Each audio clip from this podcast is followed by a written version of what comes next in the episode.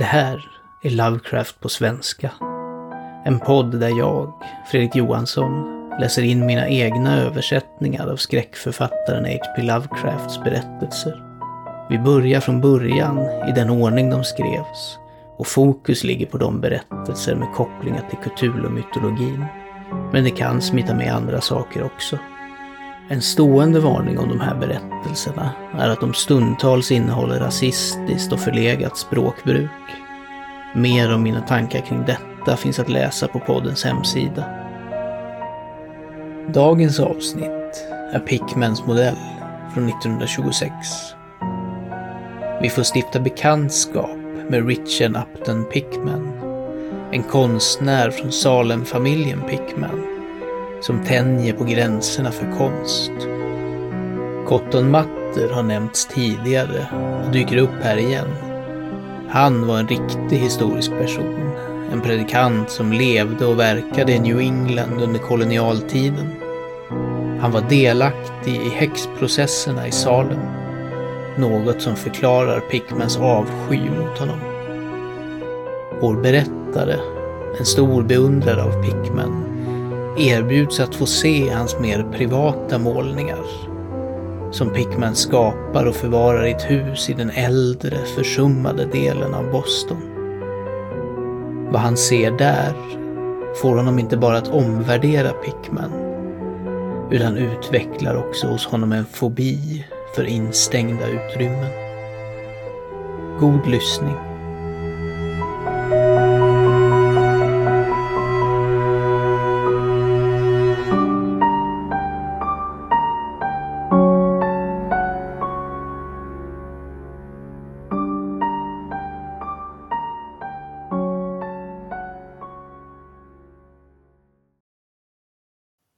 Pickmans modell.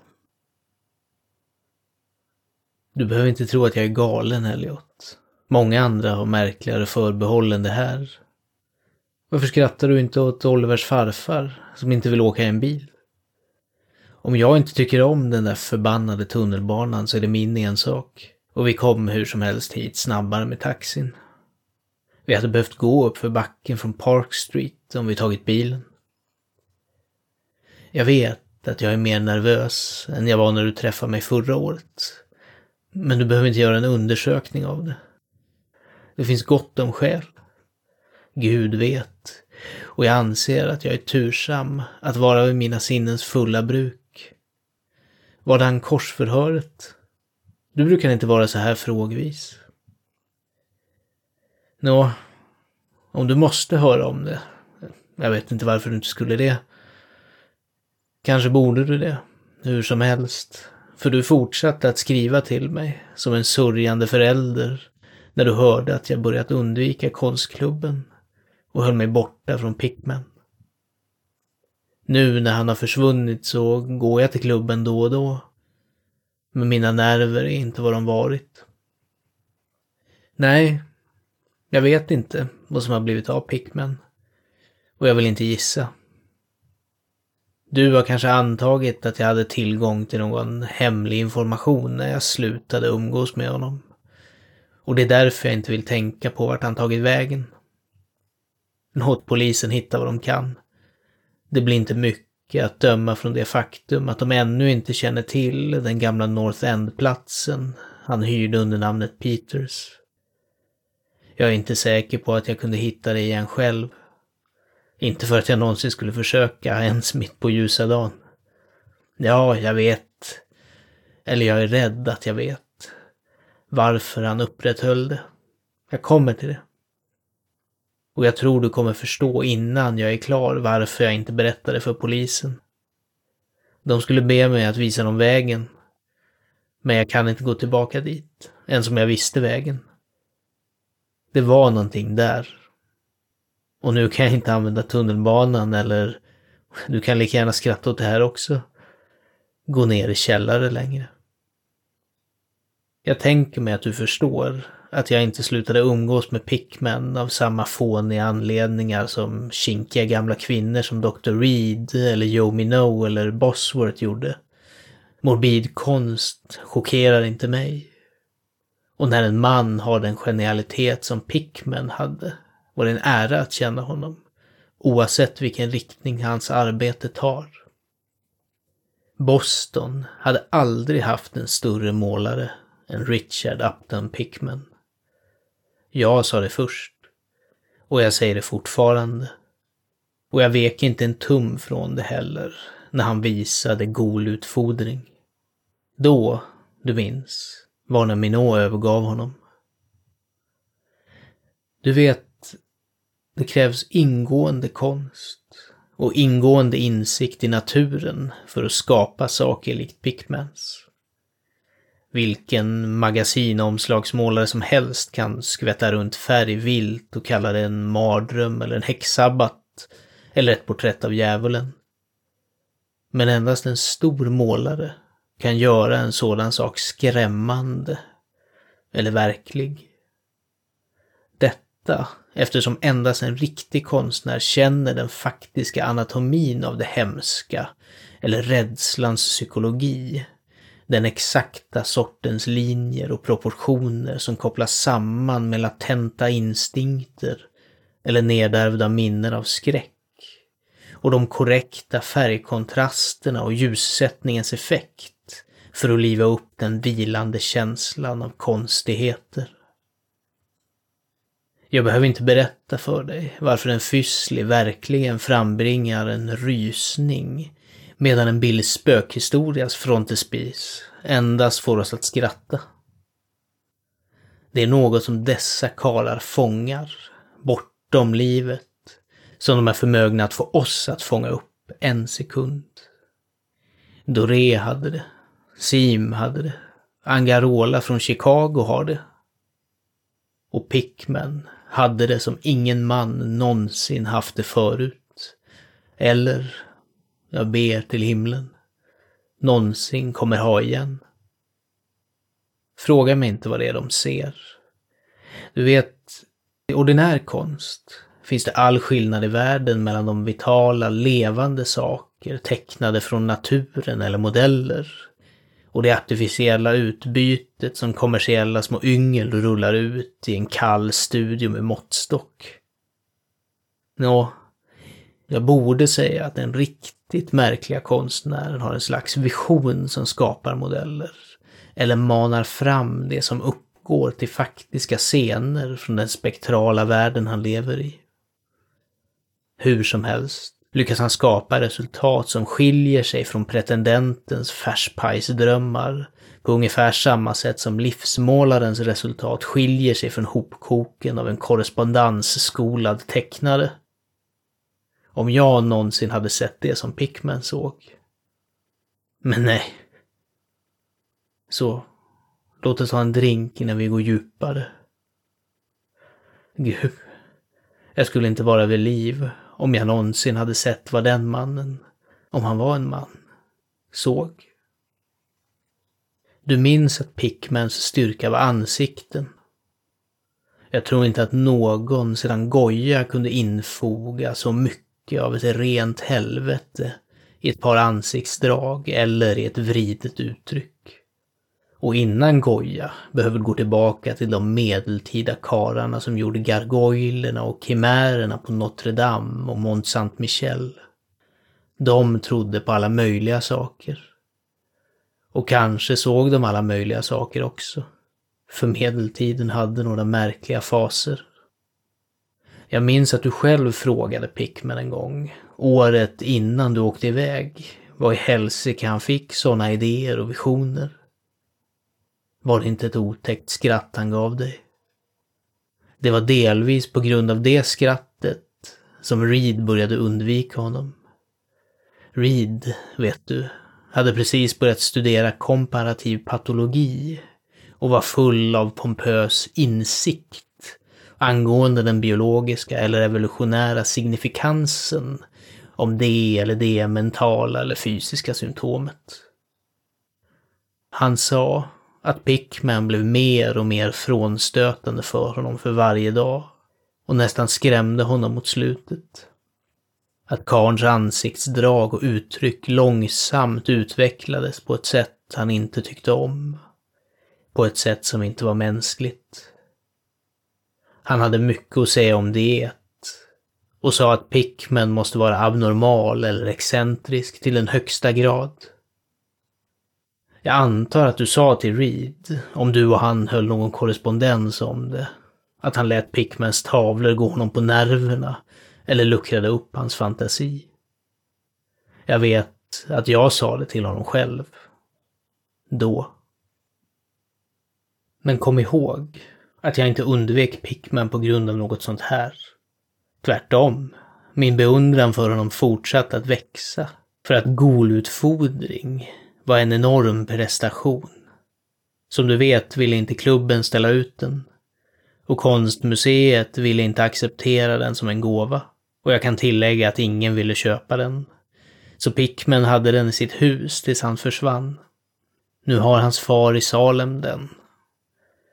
Du vet att Pickman kommer från en gammal Salem-släkt och hade en häxförfader som hängdes 1692.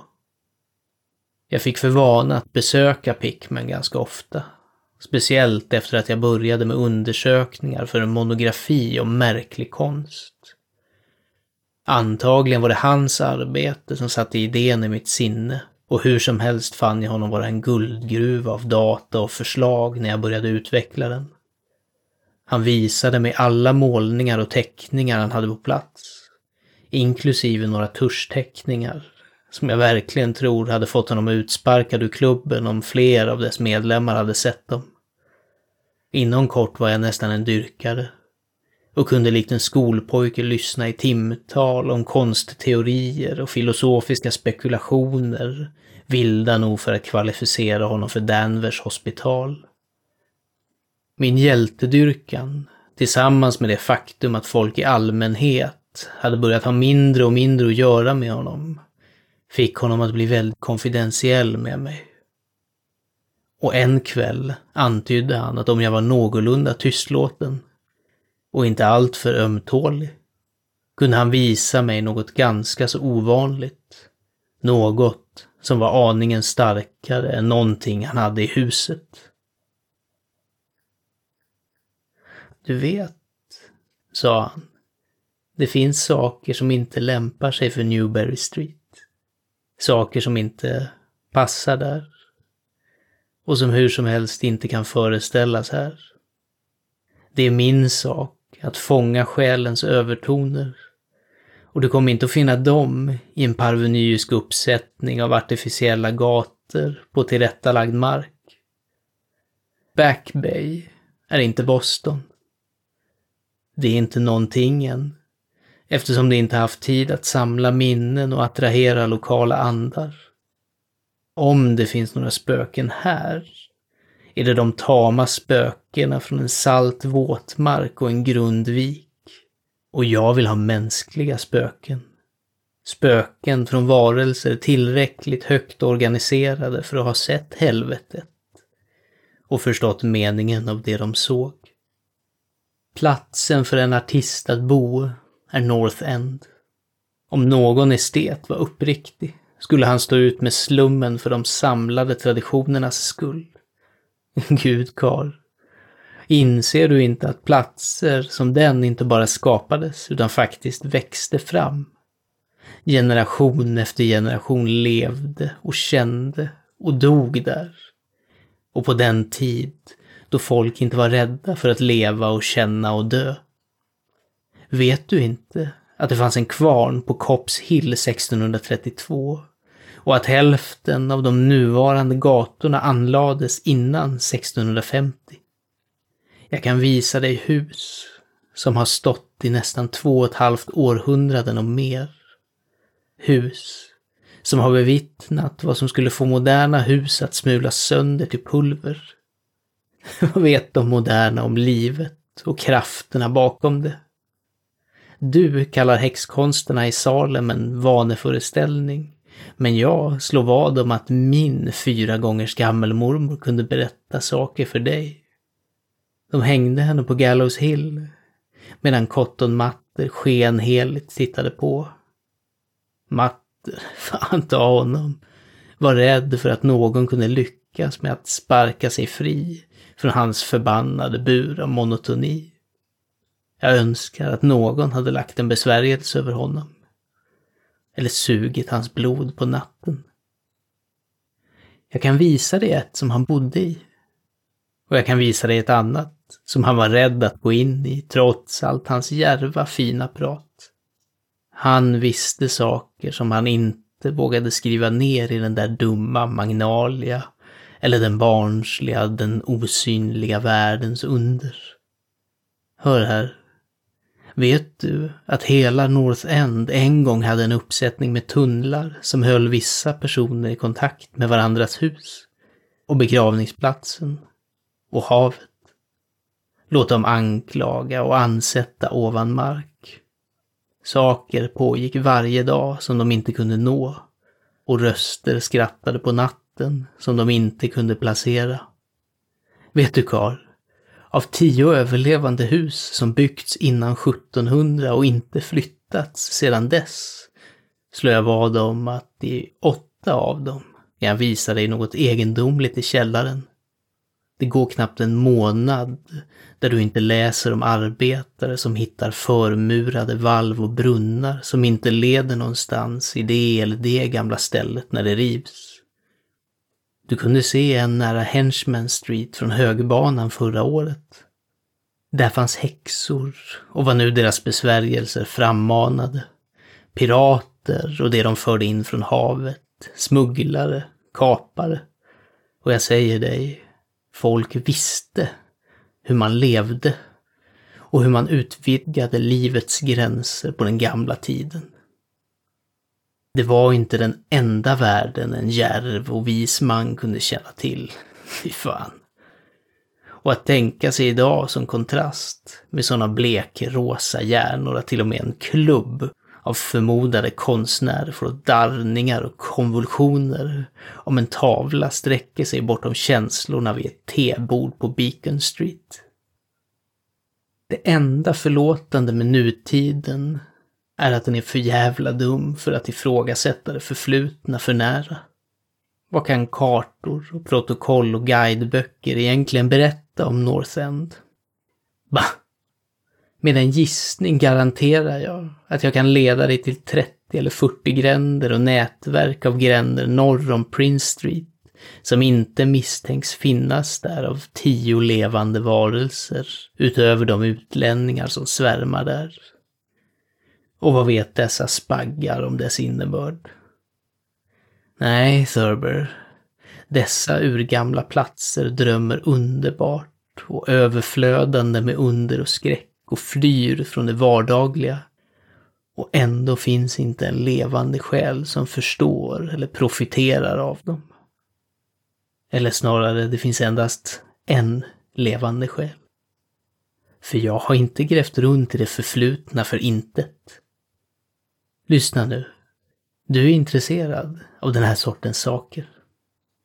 Vad skulle du säga om jag berättar för dig att jag har en annan ateljé där uppe? Där jag kan fånga nattanden av antikskräck och måla saker som jag inte ens kunde tänka ut på Newberry Street. Naturligtvis berättar jag inte det för de förbannade gamla kärringarna på klubben. Med Reed, fan ta honom, viskande även nu att jag är ett slags monster, nerbunden av den omvända evolutionens släde.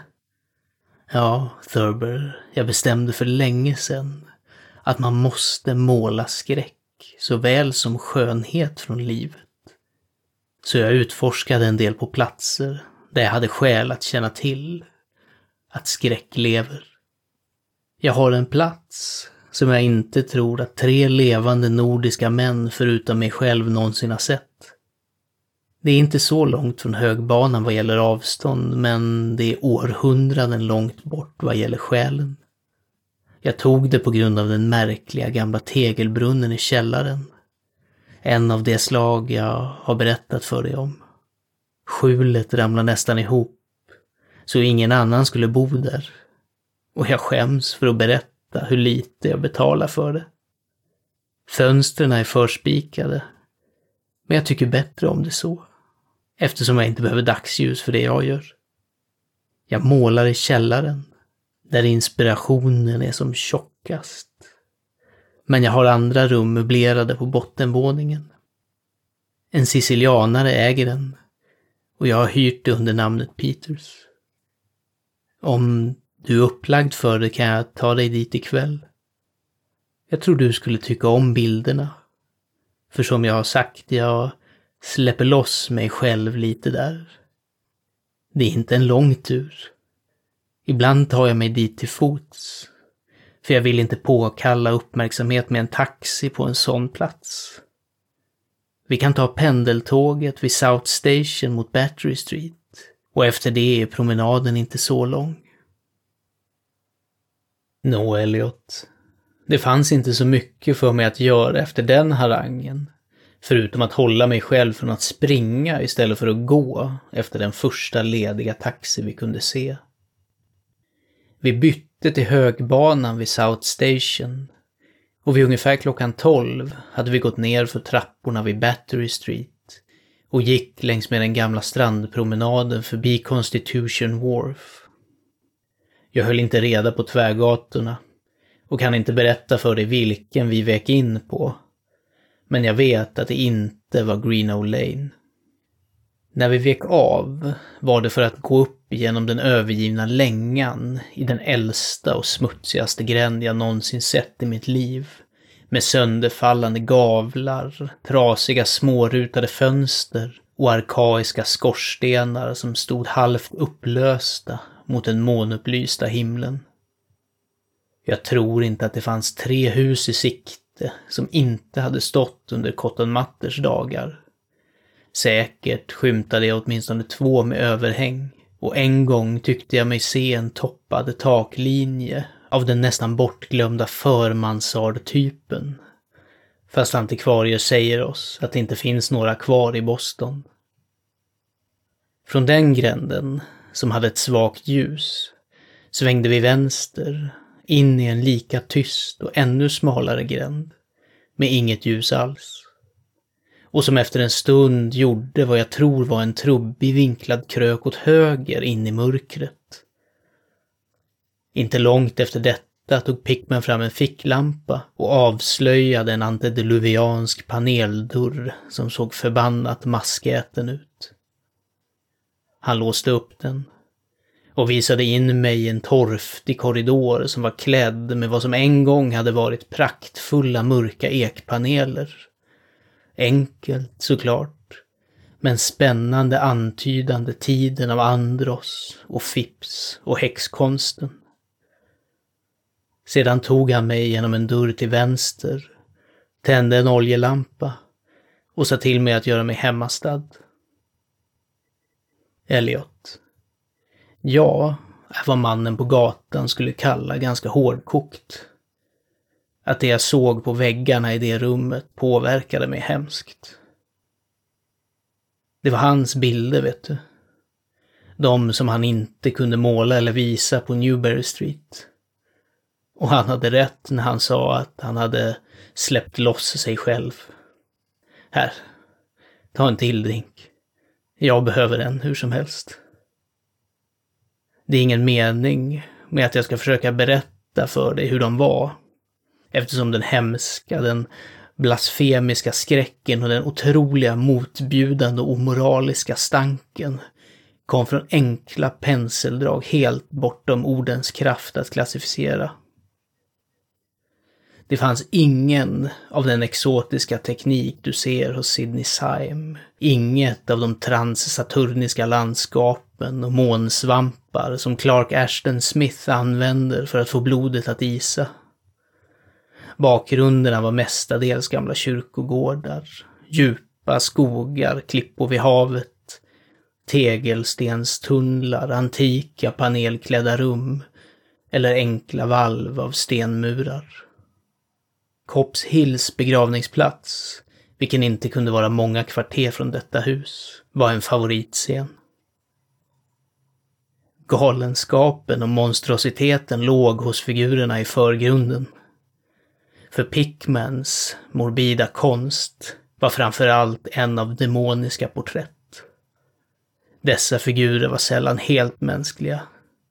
men närmade sig ofta mänsklighet i varierande grader. De flesta av kropparna, även om de i stort sett var tvåbenta, hade en framåthukning och en vagt hundliknande form. Texturen på majoriteten var en slags gummighet. Öh, jag kan se dem nu. Deras sysselsättning, öh, be mig inte att vara för precis. Vanligtvis åt dem. Jag säger inte av vad. De visade sig ibland i grupper på begravningsplatser eller underjordiska passager och verkade ofta strida om sina byten. Eller rättare sagt, sina skatter.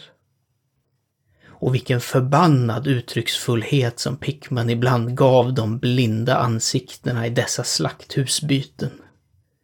Stundtals visade sig sakerna hoppande genom öppna fönster på natten eller hukande över brösten på sovande, oroande nära deras halsar. En duk visade en ring av dem skällande vid en hängd häxa på Gallows Hill, vars döda ansikte hade en nära släktskap med deras. Men tro inte att det var hela den här affären av hemska teman och scener som gjorde mig svag. Jag är inget treårigt barn och jag hade sett mycket liknande förut. Det var ansiktena, Elliot. De där förbannade ansiktena som log lömskt och dreglade ut från duken som om de andades. Gode gud, Karl, jag tror verkligen att de var levande. Den vidriga trollkarlen hade väckt helvetets eldar i pigment och hans pensel hade varit ett mardrömsynglande spö. Ge mig den där karaffen, Elliot.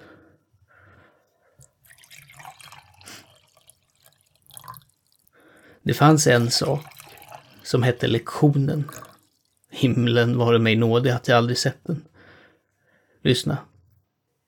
Kan du föreställa dig en hukande cirkel av namnlösa hundliknande saker på en kyrkogård som lär ett litet barn att äta som de själva gör? Priset för en bortbyting antar jag. Du känner till den gamla myten om hur det märkliga folket lämnade sina yngel i vaggor i utbyte mot de mänskliga barn de själar. Pickman visade vad som händer med dessa stulna barn. Hur de växer upp. Och då började jag se ett avskyvärt släktskap i ansiktena hos de mänskliga och omänskliga figurerna. Han etablerade, i alla sina graderingar av morbiditet, mellan de uppriktigt sagt omänskliga och det degraderade mänskliga en sardonisk sammanlänkning och evolution. Hundsakerna hade utvecklats från dödliga människor. Och knappt hade jag börjat undra över vad han gjorde av deras egna unga som lämnats hos mänskligheten i form av bortbytingar. När jag fick syn på en bild som förkroppsligade just den tanken. Den var av en uråldrig puritansk interiör ett rum med kraftiga bjälkar och spröjsade fönster.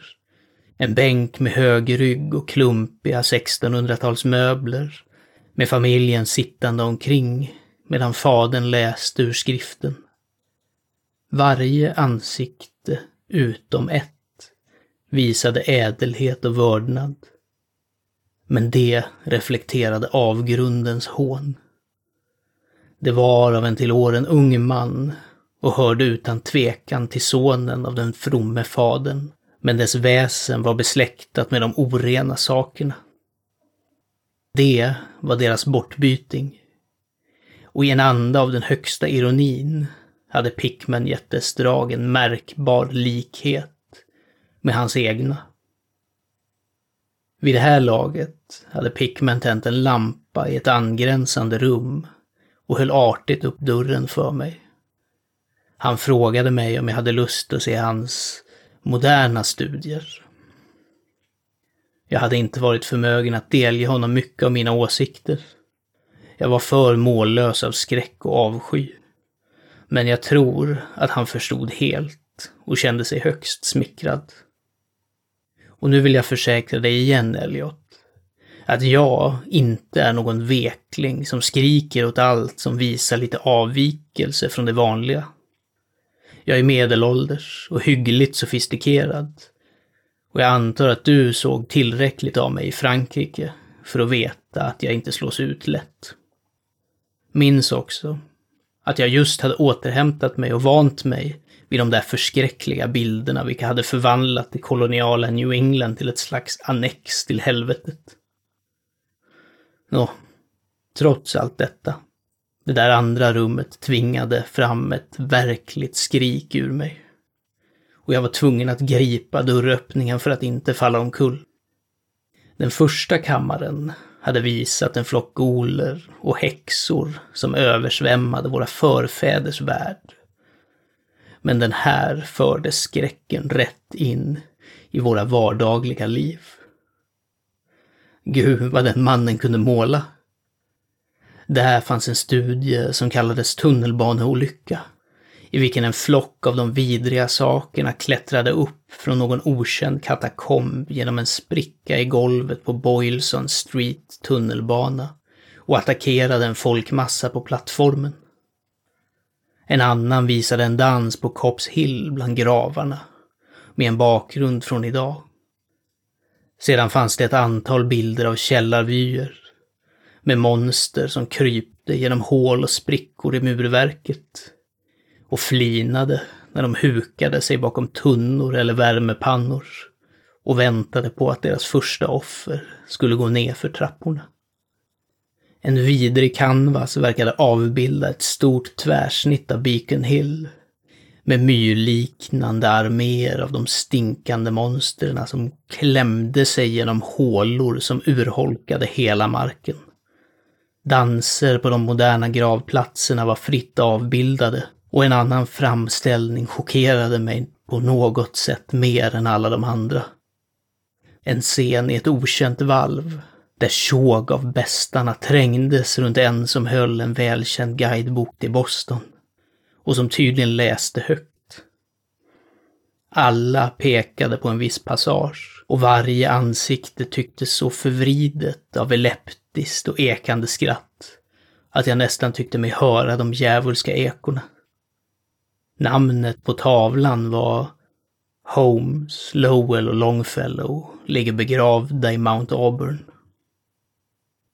Medan jag gradvis återfick fattning och anpassade mig till det här andra djävulska och morbida rummet började jag analysera några av delarna av min vämjeliga avsky.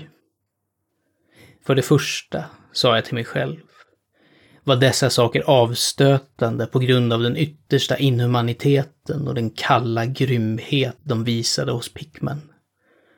Karn måste vara en obeveklig fiende mot hela mänskligheten för att glädjas så åt tortyren av hjärna och kött och degradering av den dödliga huseringen. För det andra, de var skräckslagande på grund av sin storhet. Deras konst var den konst som övertygade. När vi såg tavlorna såg vi demonerna själva och var rädda för dem. Och det egendomliga var att Pickman inte fick någon av sin kraft från användandet av selektivitet eller bisarritet. Ingenting var suddigt, förvrängt eller konventionellt. Konturerna var skarpa och verklighetstrogna. Och detaljerna var nästan smärtsamt definierade. Och ansiktena.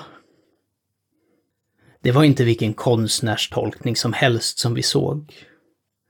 Det var pandemonium självt, kristallklart i stark objektivitet.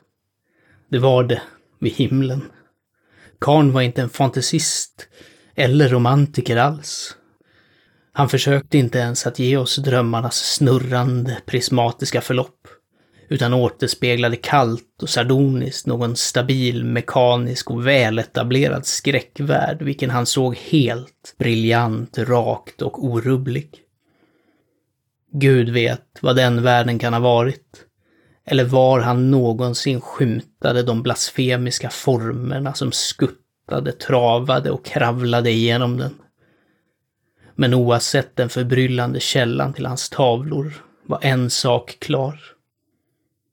Pickman var i alla avseenden, i föreställning och i utförande, en grundlig, noggrann och nästan vetenskaplig realist. Min värld ledde nu vägen ner till källaren, till hans faktiska studio.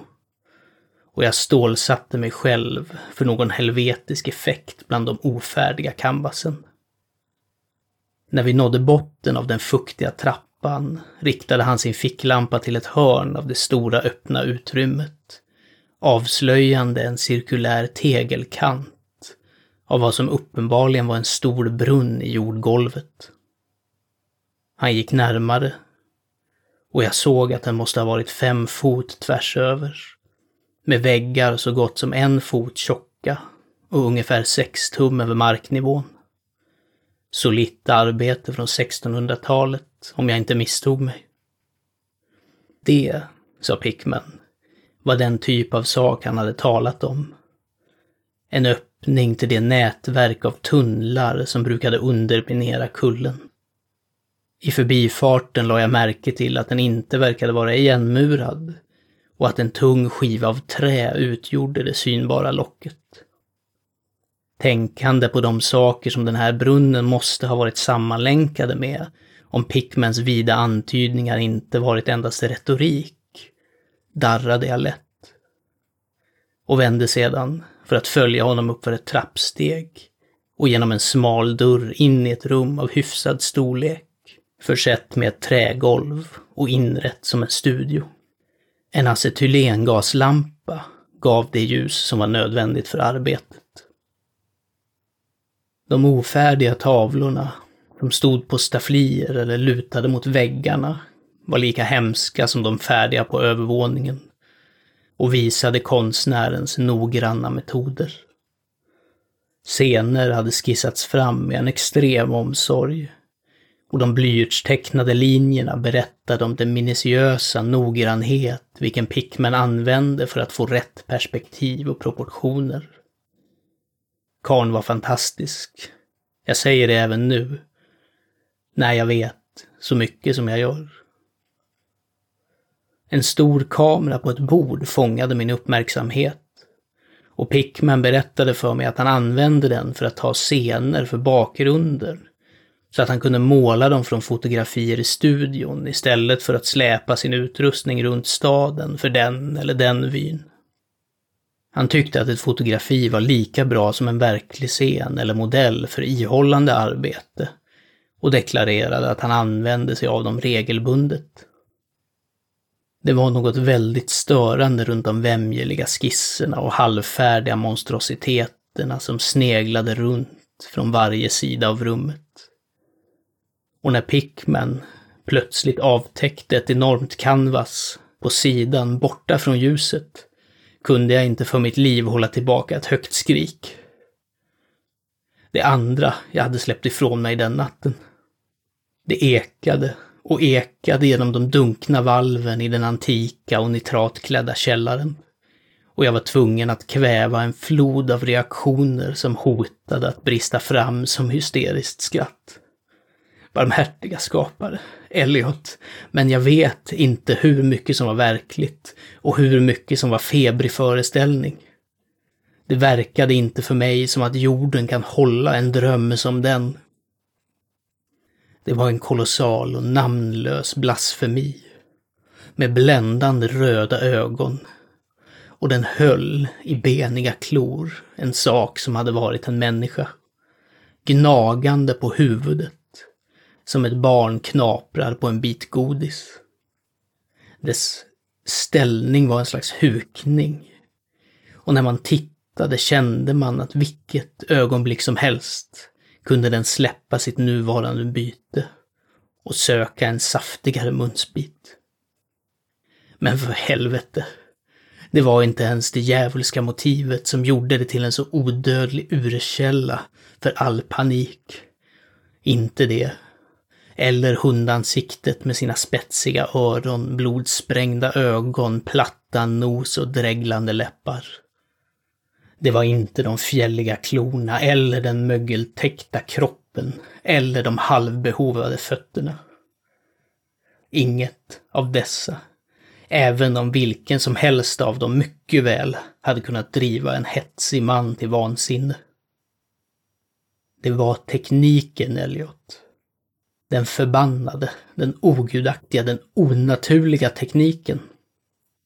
Så sant som jag är en levande varelse, aldrig har jag någon annanstans sett livets faktiska andetag så sammansmält i en duk. Monstret var där. Det glodde och gnagde och gnagde och glodde. Och jag visste att endast ett upphävande av naturens lagar någonsin kunde låta en man måla en sak som den utan en modell. Utan någon glimt av den undre världen, vilken ingen dödlig osåld till djävulen någonsin skymtat. Fastnålat med ett häftstift på en ledig del av canvasen var en bit papper som hade rullat ihop sig ordentligt. Förmodligen, tänkte jag, ett fotografi från vilket Pickman avsåg att måla en bakgrund lika hemsk som den mardröm den skulle förstärka. Jag sträckte ut handen för att rulla ut den och se på den. När jag plötsligt såg Pickman rycka till som om han blev skjuten. Han hade lyssnat med en besynlig intensitet ända sedan mitt chockerande skrik hade väckt ovana ekon i den mörka källaren. Och nu verkade han slagen med en skräck, vilken, även om den inte var jämförbar med min egen, hade i sig mer av det fysiska än det andliga. Han drog en revolver och tecknade åt mig att vara tyst. Sedan gick han ut till huvudkällaren och stängde dörren bakom sig. Jag tror att jag var paralyserad för ett ögonblick. Imiterande Pickmans lyssnande tyckte jag mig höra ett svagt rusande ljud någonstans. Och en serie tjut eller bräkanden i en riktning som jag inte kunde avgöra. Jag tänkte på enorma råttor och ryste. Sedan kom det ett dämpat sorts skramlande, vilket på något sätt gav mig gåshud. Ett smygande, trevande sorts skramlande, men jag kan inte försöka förmedla vad jag menar i ord. Det var som tungt trä som faller på sten eller tegel. Trä på tegel. Vad fick det mig att tänka på? Det kom igen. Och högre.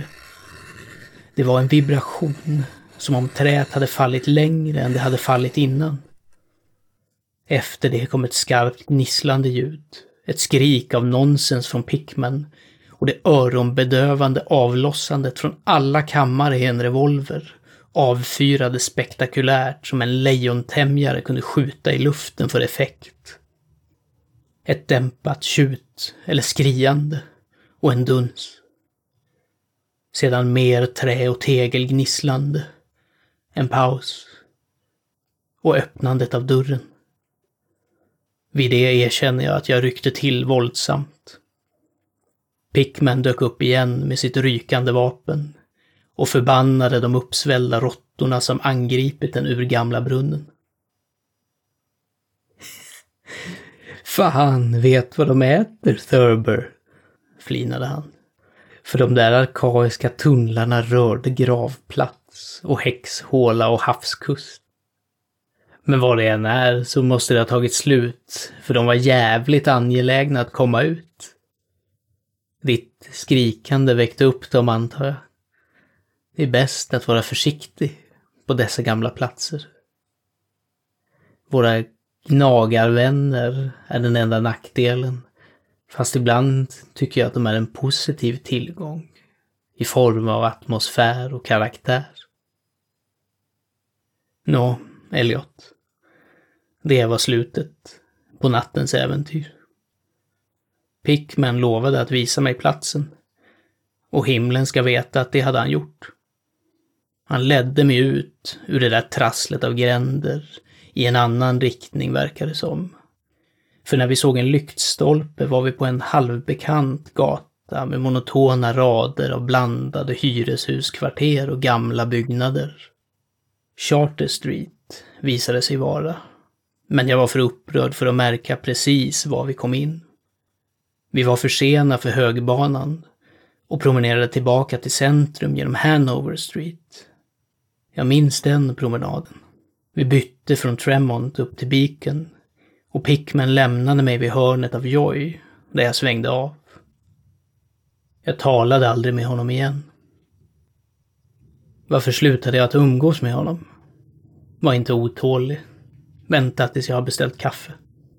Vi har fått tillräckligt av det andra, men jag för min del behöver något. Nej, det var inte tavlorna som jag såg på den platsen. Även om jag svär på att de var tillräckliga för att få honom utfryst i nio tiondelar av hemmen och klubbarna i Boston. Och jag antar att du nu inte undrar varför jag håller mig borta från tunnelbanor och källare. Det var någonting jag fann i min rock nästa morgon. Du vet, det hoprullade pappret som fästs på den där hemska canvasen i källaren. Det jag trodde var ett fotografi av någon scen han tänkt använda som en bakgrund för det där monstret. Den sista skräcken hade kommit medan jag sträckte mig för att rulla ut den. Och det verkar som att jag omedvetet hade skrynklat ihop den ner i min ficka. Men här är kaffet. Ta det svart, Elliot. Om du är klok. Ja, det pappret var anledningen till att jag slutade umgås med Pickman. Richard Upton Pickman. Den största konstnären jag någonsin känt. Och det otäckaste väsen som någonsin hoppat livets gränser in i myterna och galenskapens hålor. Elliot. Gamle Reed hade rätt. Han var inte strikt mänsklig. Antingen föddes han in i en märklig skugga, eller så hade han funnit ett sätt att låsa upp den förbjudna porten. Det gör detsamma nu, för han är borta. Tillbaka in i det fantastiska mörker han älskar att hemsöka. Så, låt oss ha ljuskronan tänd. Be mig inte förklara, eller ens gissa om vad jag brände. Fråga mig inte heller vad som låg bakom det där mullvadsliknande klösandet som Pickman var så angelägen om att skylla på råttor. Det finns hemligheter, vet du, som kan ha kommit från gamla Salems tider och Cotton Matter berättar om än märkligare ting. Du vet hur förbannat verklighetstrogna Pickmans målningar var. Hur vi alla undrade varifrån han fick de där ansiktena. Det pappret var inte ett fotografi av någon bakgrund trots allt. Vad det visade sig vara var helt enkelt den monstruösa varelsen han målade på den där hemska duken. Det var modellen han använde. Och bakgrunden var endast väggen i den där källarstudion in i minsta detalj. Men vid gud, Elliot, det var ett fotografi från det verkliga livet.